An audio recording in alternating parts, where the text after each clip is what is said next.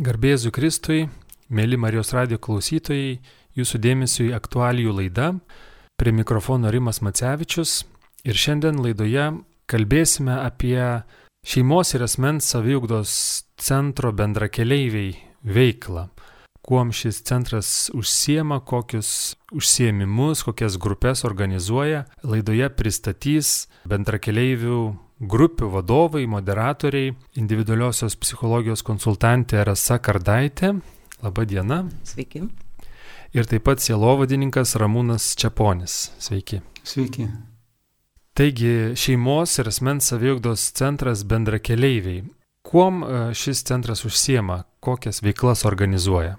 Bendrakeleivių veiklos yra skirtos žmonėms išgyvenantiems skirybų krizę, yra organizuojamos e, grupės, krizinės grupės e, žmonėm šiuo metu ar, ar, ar jau anksčiau patyrusiems e, skirybas.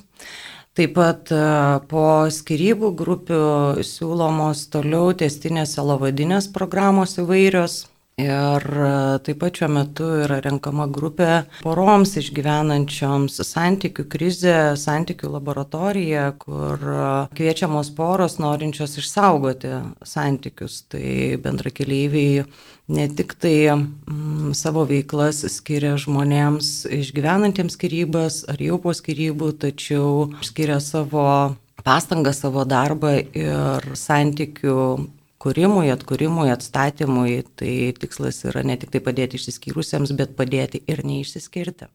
Taip, tai akcentas yra būtent pagalba e, skirybų akivaizdoje, ar, ar jei skirybos grėsia prevenciška konsultacija, išgyvenant skirybas ir po skirybų.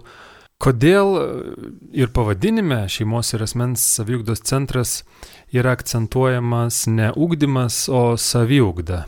Tai turbūt e, žmonės, kurie susiduria su skirybom, tai pirmiausiai supranta, kad tai yra labai didelė stresinė situacija jų gyvenime.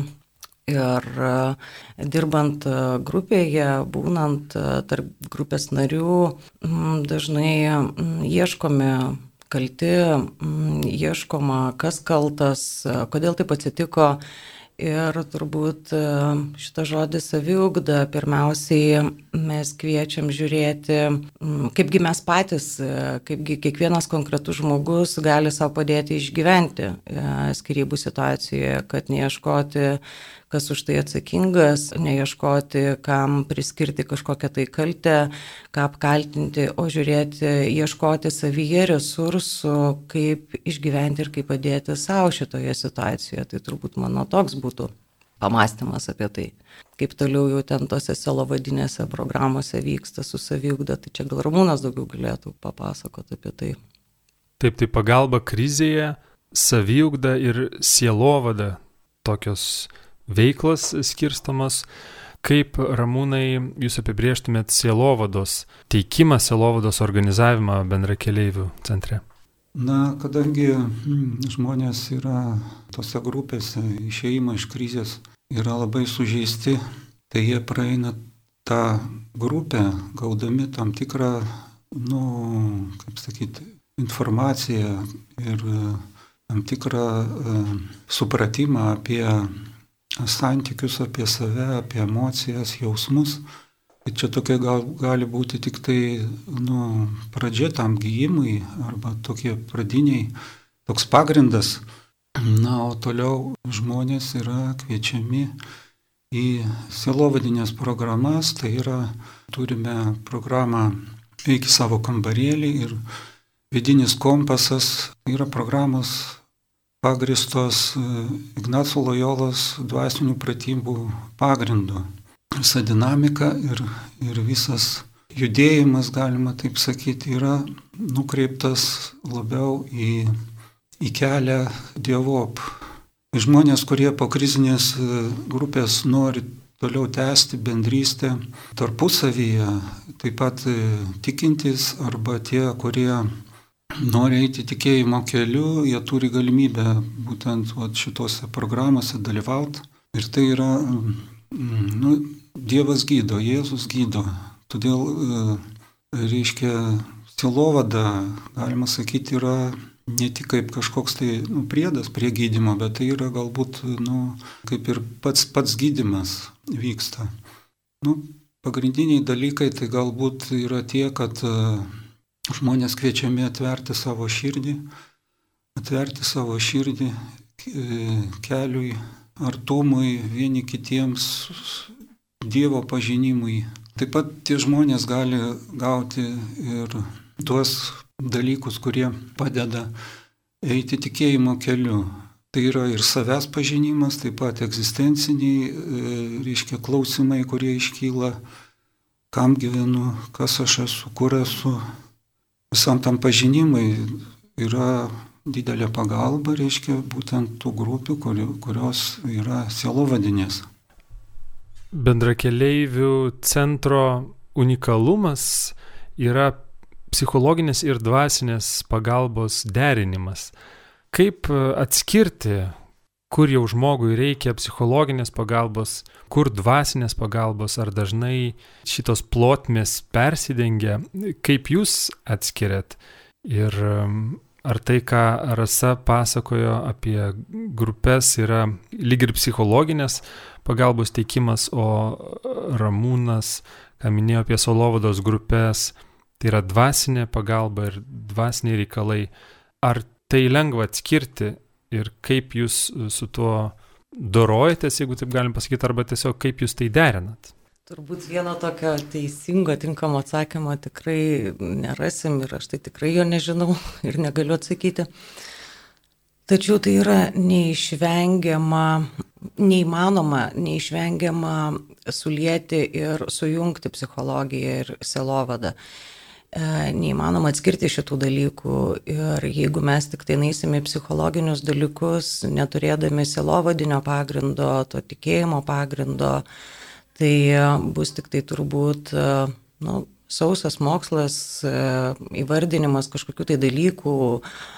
Suprantu, psichologija tai nėra patarimų dalinimas, tačiau žmonės ateina tikrai labai sutrikę, pasimetę, išsigandę, labai didelėje krizėje ir tų patarimų labai ieško, tai na, vien tik tai remtis psichologiją be, be selovadinių, be tikėjimo dalykų, tai būtų nu, toks gal sausas, uh, sakyčiau, sausas, saus, saus, sausai suteikta pagalba. Uh, Bet kur yra riba ir kaip tai atskirti, tai tikrai yra gan sudėtinga, tai turbūt tas buvimas kartu tiek psichologijoje, tiek psichologinėje plotmėje, tiek selovadinėje plotmėje padeda būti žmogui atviresniam, jautresniam savo išgyvenimams. Turbūt taip, taip, taip galėčiau paaiškinti.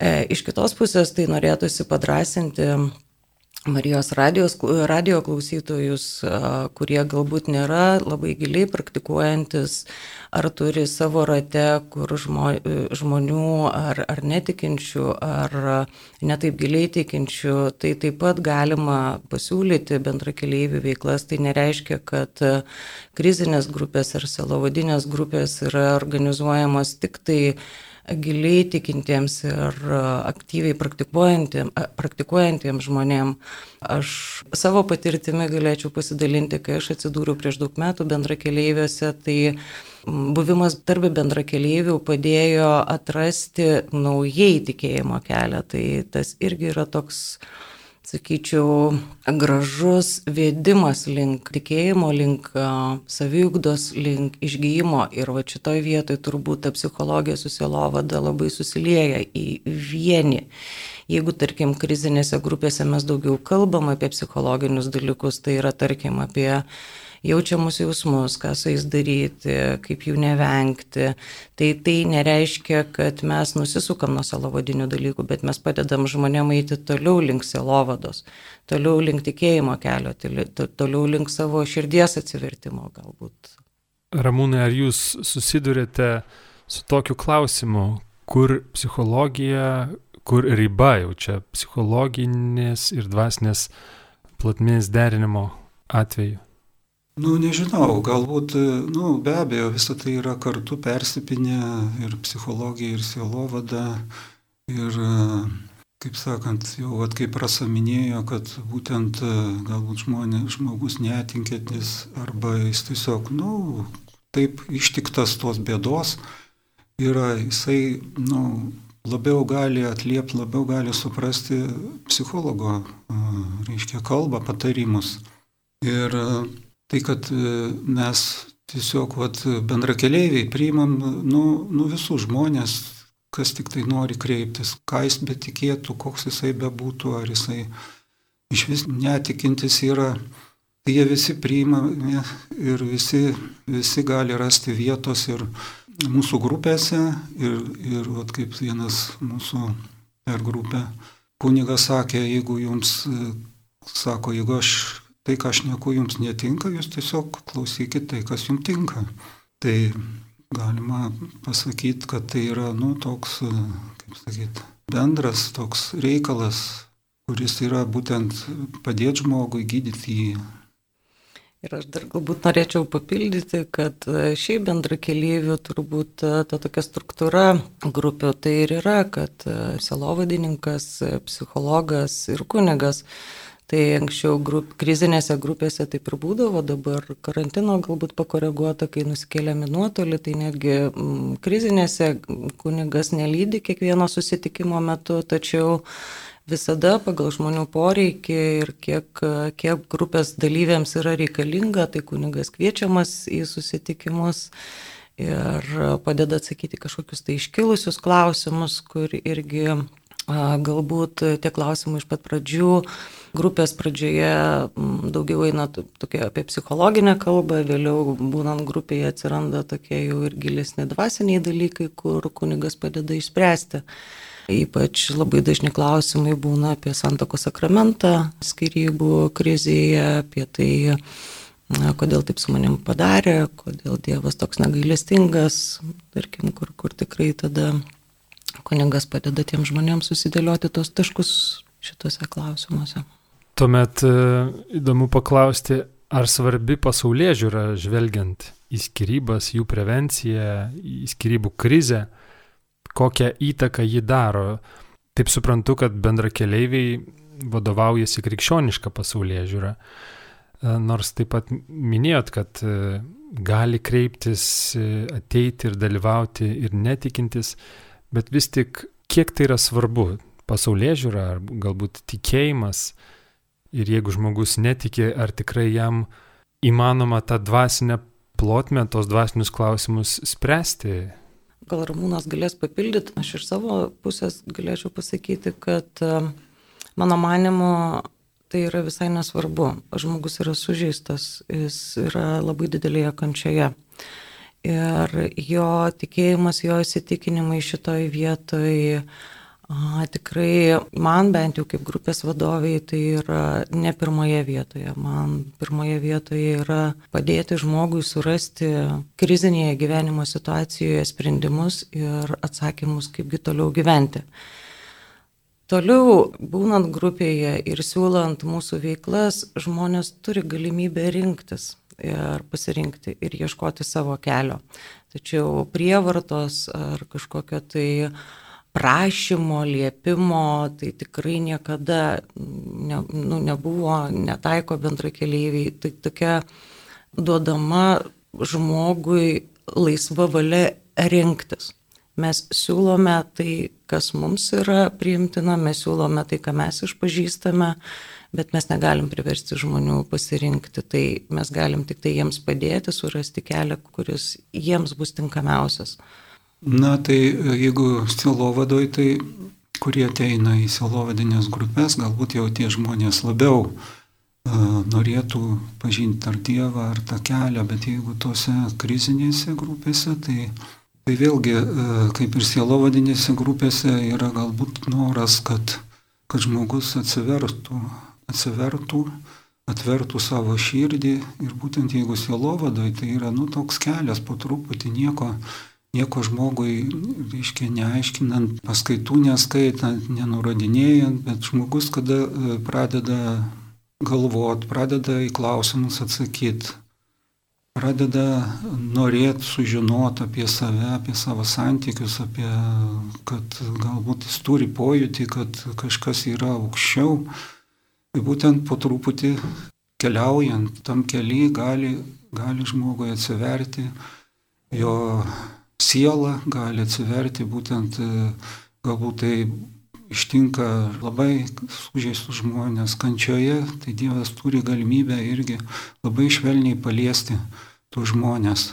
Tai jie atbunda, jie gali po truputį įgauti gyvybės, nes tas atsiverimas duoda galimybę Dievui gydyti po truputį, net tiesiog ne, nejuntamai ir tada keičiasi, tas žmogus keičiasi, aplinka jo keičiasi, santykiai keičiasi. Aš dar galbūt papildyčiau tokį dalyką, kad netiek svarbu grupės vadovų įsitikinimai ar išpažįstamos tiesos, kiek svarbu yra grupės narių tarpusavio pasidalinimai. Ir tai, ką žmonės išgyvena kartu grupėje, girdėdami patirtis, girdėdami taip, kaip jie kiekvienas skirtingai, kaip jie ieško pagalbos, vieni labiau per tikėjimą, kiti galbūt per pykti tikėjimui, įvairiausių išgyvenimų būna. Aš manau, tai yra labai gydanti patirtis ir tai yra labai didelė tiesa, ką žmogus toliau rinksis. Ir tai yra kur kas efektyviau ir atviriau daryti pasirinkimus žmogui, nes tai nėra primesta iš kažkokių tai vadovų, moderatorių ar iš bendrakeleivių nuostatų, o tai tiesiog per žmonių patirtis, per žmonių gyjimus, per žmonių išgyvenimus patys žmonės mato, koks kelias yra tinkamas, kokį kelią gali jie rinktis ir kas yra gydantis procesas, kas yra veiksmingas, neveiksmingas, kas padeda, kas ne. Mėly Marijos radio klausytojai, šiandien laidoje kalbame apie šeimos ir asmens saviugdos centro bendrakeleiviai veiklą ir laidoje šio centro grupių vadovai, moderatoriai, individualiosios psichologijos konsultantė Rasa Kardaitė ir sielovadininkas Ramūnas Čiaponis. Pradžioje laidos šiek tiek pristatėme, kokias veiklas vykdo bendrakeleiviai, pagalba krizėje, saviugda, sielovada, taip pat bendrystė, kūrenčios veiklos. Apie tai, mėly klausytojai, galite susirasti bendrakeleivių puslapyje bendrakeleiviai.lt. Tačiau norėčiau jūsų rasą ir ramūnai paklausti šiek tiek apie, plačiau paklausti, kad papasakotumėt apie tas grupės, kurias vedate jūs. Galbūt apie jų struktūrą, kaip jos vykdomos, kokios yra jūsų kaip vadovų patirtis kokius rezultatus galbūt matot e, iš dalyvaujančių žmonių, iš jų pokyčių, kaip keičiasi jų gyvenimas, kaip sprendžiasi jų problemos, kokie yra atsiliepimai. Rasa. Tai išėjimo iš krizės grupė vyksta 15 savaičių, tai yra vieną kartą per savaitę susitikimai vyksta. Grupė yra uždara, kokiu Mm, sąstatų grupė pradeda mm, lankyti tokį ir baigia, tai nėra, kad kiekvieną kartą priemami skirtingi žmonės. Grupėje yra nustatomos, numatomos taisyklės, kurios e, grupės metu yra aptariamos, kaip kad konfidencialumo susitarimas, kaip, tarkim, dalyvavimas privalomas, arba, tarkim, šiuo metu dirbant nuotoliniu būdu, kad privaloma įsijungti kameras ir kalbamės, dėl ko tai yra svarbu, dėl to pačio saugumo. Temos yra įvairios iš tikrųjų nuo įvairių jausmų įvardinimo, išgyvenimo, gėdos, kalties, pykčio iki vaikų temos, kur ką daryti su vaikais, kaip padėti vaikam išgyventi skirybas, kiek leidimo temos. Tai mes kaip grupės vadovai, tai kaip ir laikom šiokius tokius rėmus dėl temų, tačiau esam aktyvus grupės poreikiam ir nėra taip, kad, vad sakom, ten trečias sustikimas bus tokia ir tokia tema, ten ketvirtas bus tokia ir tokia einam pagal grupės narių poreikius, tarkim, gali būti, kad vienai temai skiriamas vienas susitikimas, o galbūt ir keli susitikimai. Tai nesam taip labai kategoriški šitoje vietoje, o daugiau žiūrim tai su kokiu poreikiu ir su kokiais neįspręstais klausimais grupėje dalyvaujantys žmonės susiduria. Ir esam aktyvus tam, aktyviai bandom išgirsti ir suprasti kokia nauda ir dėl ko tos grupės yra naudingos. Visų pirma, kad skirybas išgyvenantiems žmonėms yra be galo sunku ne tik tai dėl pasikeitusių begalės situacijų gyvenime, bet sunku ir apie tai, kad nėra su kuo kalbėtis visi aplinkiniai arba žino geriau, ką reikia daryti, arba sako, jau mes pavargom nuo, nuo to, ką tu kalbi, arba tiesiog neįdomu klausytis. Žmonės užsidaro, žmonės neturi su kuo pasikalbėti. Tai grupė yra ta vieta, kurioje susirenka žmonės su panašiomis patirtimis. Viena tema lydinti kartu tai yra skirybos. Ir tai yra erdvė, kuriems, kurioje yra įdomu klausytis, kas vyksta su tuo žmogum. Tai, Kitas dalykas, tai nėra patarimų ir gyvenimiškų pamokymų dalinimas, tai yra dalinimasis tarpusavio išgyvenimų, kas irgi padeda ir veikia gydančiai, kad iš tikrųjų niekas nežino, kaip teisingai reikia daryti, elgtis, bet dalinantis patirtimi, tai yra tokio, nu, atsiranda erdvė ieškoti, kasgi tam konkrečiam žmogui yra naudinga. Kitas dar svarbus dalykas - tai did, sukūriamas didelis bendrumo jausmas grupėje. Grupės nariai, baigiantis grupiai, pradeda klausinėti, o tai viskas čia baigsis grupė, o ką toliau galėtumėm daryti. Ir vat, labai smagu, kad bendra keliaivių komanda galvoja ir tęsiasi lavadinės programas, kad tie žmonės turėtų tą erdvę, to, to bendrumo jausmo, išgyvenimo ir pajūtimo, kad galėtų toliau kažką tai daryti ir, ir ieškoti.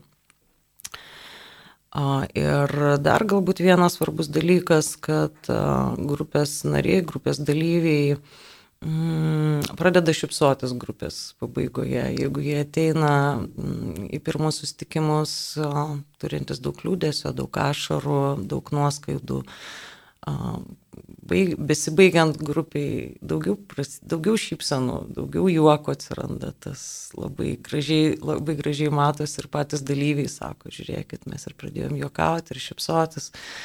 Tai reiškia, kad atsiranda, atsiranda tikėjimas, kad gyvenimas nesibaigia, kad gyventi verta toliau, kad yra daug atsakymų, kaip tą daryti ir tapti laimingu. Ramūnai, kaip vyksta jūsų vedamos grupės?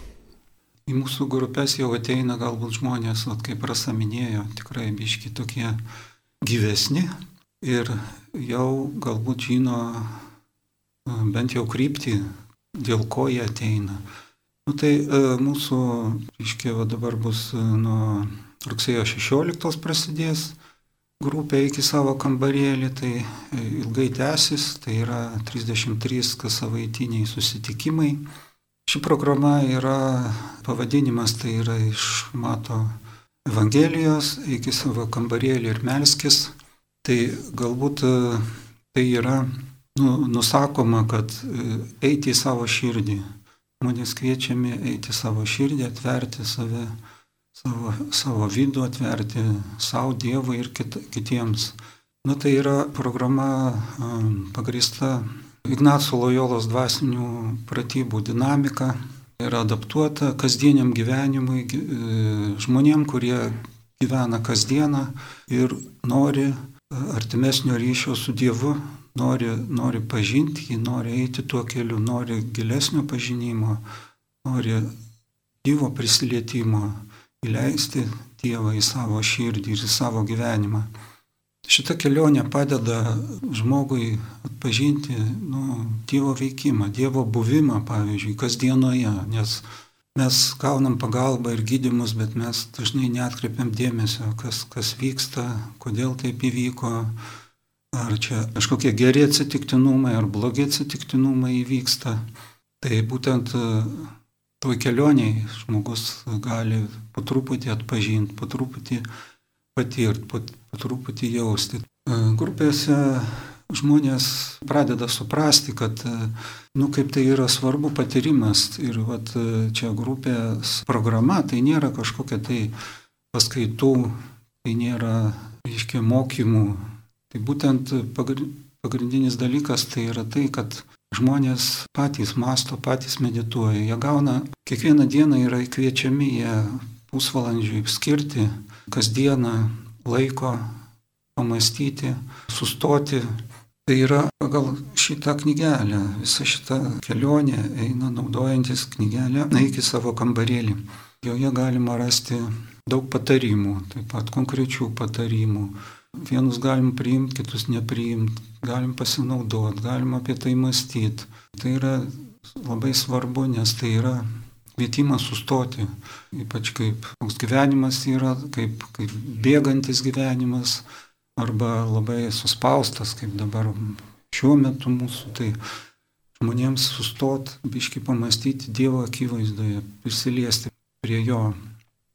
Tai yra e, galbūt e, kvietimas e, pratintis, kvietimas mokytis įpročių, pamatyti aplinką, pamatyti santykius, kurie po truputį iš tikrųjų keičiasi. E, žmonės po tų grupių be abejo labai keičiasi. Vieni pradeda labai praktikuoti tikėjimą, tai yra ir atsivertimai būna, tokie gyvi atsivertimai. Ar šiuose, šiuose grupėse eiki savo kambarėlį programos tebelieka ta skirybų tema, ar vis tik tai e, nuo to jau yra tolstama, Ar dalyviai yra būtent dalyvavę bendrakeleivių organizuojamuose krizinės, krizinėse grupėse, ar gali ateiti visai iš šalies, kaip ši, ši bendrakeleivių centro tema, pagalbos rytis išgyvenantiems skirybo, skirybas atsiliepia būtent jūsų vedamose selovados grupėse iki savo kambarėlį programoje, ar vis tik tai tai yra nutolęs dalykas? Ne, tai nėra nutolęs, galbūt e, žmonės kaip dalinasi ir, ir masto po skirybų, būtent po krizinės grupės, jie tiesiog tai būna persmelkta jų tos skirybos ir e, skirybų visi tie dalykai, emocinios jausmai. Ir galbūt žmogus save atranda e, Dievo akivaizdoj, Ir e, ta programa nėra, žinai, dažniausiai tai ateina žmonės iš e, krizinės grupės, bet jinai atvira yra ir gali ateiti iš šalies. Ir tai, kas kalbama, tai, kas mąstoma, gal tai yra labiausia, galbūt labiausia tai yra žmogaus asmens santykis Dievo akivaizdoje su, su artimaisiais, su Dievu, su su kitais jo asmeninis santykis yra atveriamas, gilinamas, apmastant būtent e, ir gyvenimiškas situacijas, ir Dievo žodį. Ir aš galbūt dar šiek tiek papildyčiau, kad va čia dabar sėdėjau klausiausi Ramūno, tai man čia daugiau gal ir atsiranda tas žodis saviugda. Ir atėjo toks, vat, apie santykius Ramūnas daug kalba, tai aš galvoju, kad selavadinėse programose irgi yra labai stiprus tas pamatymas santykis su savimi pačiu. Ir per tai yra daug dalykų atskleidžiama ir atėjo toks uh, įsivaizdavimas, kad jeigu krizinė grupė, kaip svagūnas, jeigu krizinėje grupėje mes tas svagūno lūkštus nudžiūvusius truputį nuėmam, tai jau einant toliau savo vadinės programas, tas svagūnas gali toliau ten skleistis, ne, ir jau ten kitaip truputį. Tai tokia krizinė yra to tokio nu, sužėdėjusio to, to sluoksnio galbūt padėti nusimti tą tokį sužėdėjusiu, kad galėtų žmonės po to giliau žiūrėti. Ir galvoju, kad vis tiek, at kaip ir Ramūnas sakė, kad tai yra galima prisijungti iš šalies, tačiau didesnė dalis selovadinių programų grupių turbūt yra vis tiek po krizinio ateina žmonės ir dar bendrakeleivių, irgi gražus toks yra bendradarbiavimas, draugystė su Tiberiadas bendruomenė, su broliais vienuoliais iš Baltriškių, kas siūloma po krizinių grupių važiuoti susitikimo su broliais. Ir jų mokymai tuo metu taip pat padeda žmonėm apsispręsti, ar jie nori eiti toliau tęsti selovadinę programą, o galbūt jie tikrai nori eiti dėl tos bendrystės ir, ir tai irgi vyksta gražių dalykų, jie, jie patys nežino, kas yra to, to, toj selovadiniai programoje, ką jie ras, bet nenorėdami išsiskirti, nenorėdami išsilakstyti, norėdami likti toje pačioje bendruomenėje, eina į grupės ir irgi atranda tikrai gražių vidinių dalykų ir vat, tikrai santykių gyjimo prasme, tai tikrai yra didelė, didelė pagalba ir didelė nauda. Bendrakeleiviai jau daug metų vykdo pagalbą skirybas išgyvenantiems ar jau išgyvenusiems, tačiau e, statistika auga ta prasme, kad daugėja išsiskyrusių porų, liktai kas antra, 50 procentų ar panašus skaičius sviruojantis yra. Kaip Jūs manote, ar gali būti skirybos lengvos, kaip kažkoks išsilaisvinimas kaip kažkoks teigiamas dalykas, džiugios skirybos, ar dirbdami bendrakeleiviuose ir sutikdami išsiskyrusius žmonės, padedami jiems, matote, kad tai yra kažkokia iliuzija, kaip, kaip jums atrodo? Aš manau, kad kokios bebūtų skirybos, tai yra labai didelė skaudi gyvenimo patirtis ir kaip dažnai užduoda klausimą, kas labiau išgyvena E, skausmą, ar tas, kuris paliko, ar tas, kuris yra paliktas, visiškai nesvarbu. Skirybas išgyvena būdu. Kas yra lengvos skirybos, mano matymu būtų, jeigu yra itin smurtiniai santykiai, didelis smurtas, fizinis smurtas, tada tikrai tai gali palengvėti, kad vienas ar kitas partneris atsitraukęs išgyvena palengvėjimą, nes galų gale smurtas pasibaigia. Tai tik tai apie tai galvojant. Tačiau man bent jau neteko sutikti žmogaus, kuris lengvai patiria skirybas. Pati esu kažkada girdėjusi pasakymą, kaip dalinosi žmogus, kuris jau daug metų buvo, po, daug metų buvo praėję po skirybų ir sakė, kad aš dabar galiu padėkoti už dovanas, kurias gavau skirybų metu. Aš klausiausi ir man tai atrodė taip neįtikėtina. Tai žmonės turi patys suprasti praėjus daug laikui, kas buvo dovana ir kas nebuvo dovana. Tačiau išgyvenantiem ar kurie ieško pagalbos jau po kelių metų, po skirybų, jie patiria tikrai be galo didelį skausmą. Ir dar kartą pasikartosiu, aš nesu sutikusi žmonių, kurie sakytų, man lengva, man paprasta, nes tai yra tikrai stipriai traumuojanti patirtis ir tai tikrai labai skausmingi išgyvenimai yra. Na, jeigu dar pridurt, tai kodėl taip yra toks sunkus dalykas, galbūt, negalbūt, o iš tikrųjų tai yra meilės, iškia, suardymas, meilės, su, su, su kaip pavadinti, ar sukapojimas, o meilė tai yra tas dalykas, dėl ko, ne dėl ko, bet reiškia, kuo mes visi gyvenam. Tai kaip ir esminis dalykas. Todėl kokia jinai bebūtų, jeigu iš tikrųjų ta meilė buvo, jinai yra tiesiog vienoje ar kitoje pusėje yra visiškai sunaikinama Netgi sakoma, kad tai yra lengviau priimti žmogaus netekti, kai miršta, negu žmogaus, kuris, reiškia, visiškai tą sutraukia meilės ryšį, visiškai jį sunaikino. Todėl mūsų programos padeda žmogui atstatyti meilės ryšį ir tą kitus ryšius meilės tarp aplinkos, aplinkoje, su kitais žmonėmis, su savo artimaisiais, su su aplinka, tai manau, kad čia toks vienas esminių dalykų. Ir aš manau, kad padeda atstatyti tikėjimą meilę, nes skirybo atveju dažnai žmonės išgyvena didelį atstumimą. Jos atstumia draugai, jos atstumia netgi artimieji už tam tikrus tinkamus, netinkamus sprendimus ir žmonėm išgyvenantiems skausmą, skirybų netekti, dar priimti tai, kad esi atstumtas, tai dar kaip ir gauni patvirtinimą, kad meilės nėra meilė, kaip, kaip burbulas susproksta. Tai grupių dėka padedamas atstatyti tas tikėjimas, kad vis dėlto jinai yra. Kad krizė yra krizė ir krizė yra sunku mylėti ir visų pirma, krizė yra sunku mylėti save. Tai šitoje vietoje irgi turbūt svarbu, svarbu kad e, meilė savo ir atstatymas e, meilė savo padeda atstatyti kitus ryšius ir kurti ryšius, matyti juose prasme, auginti vaikus.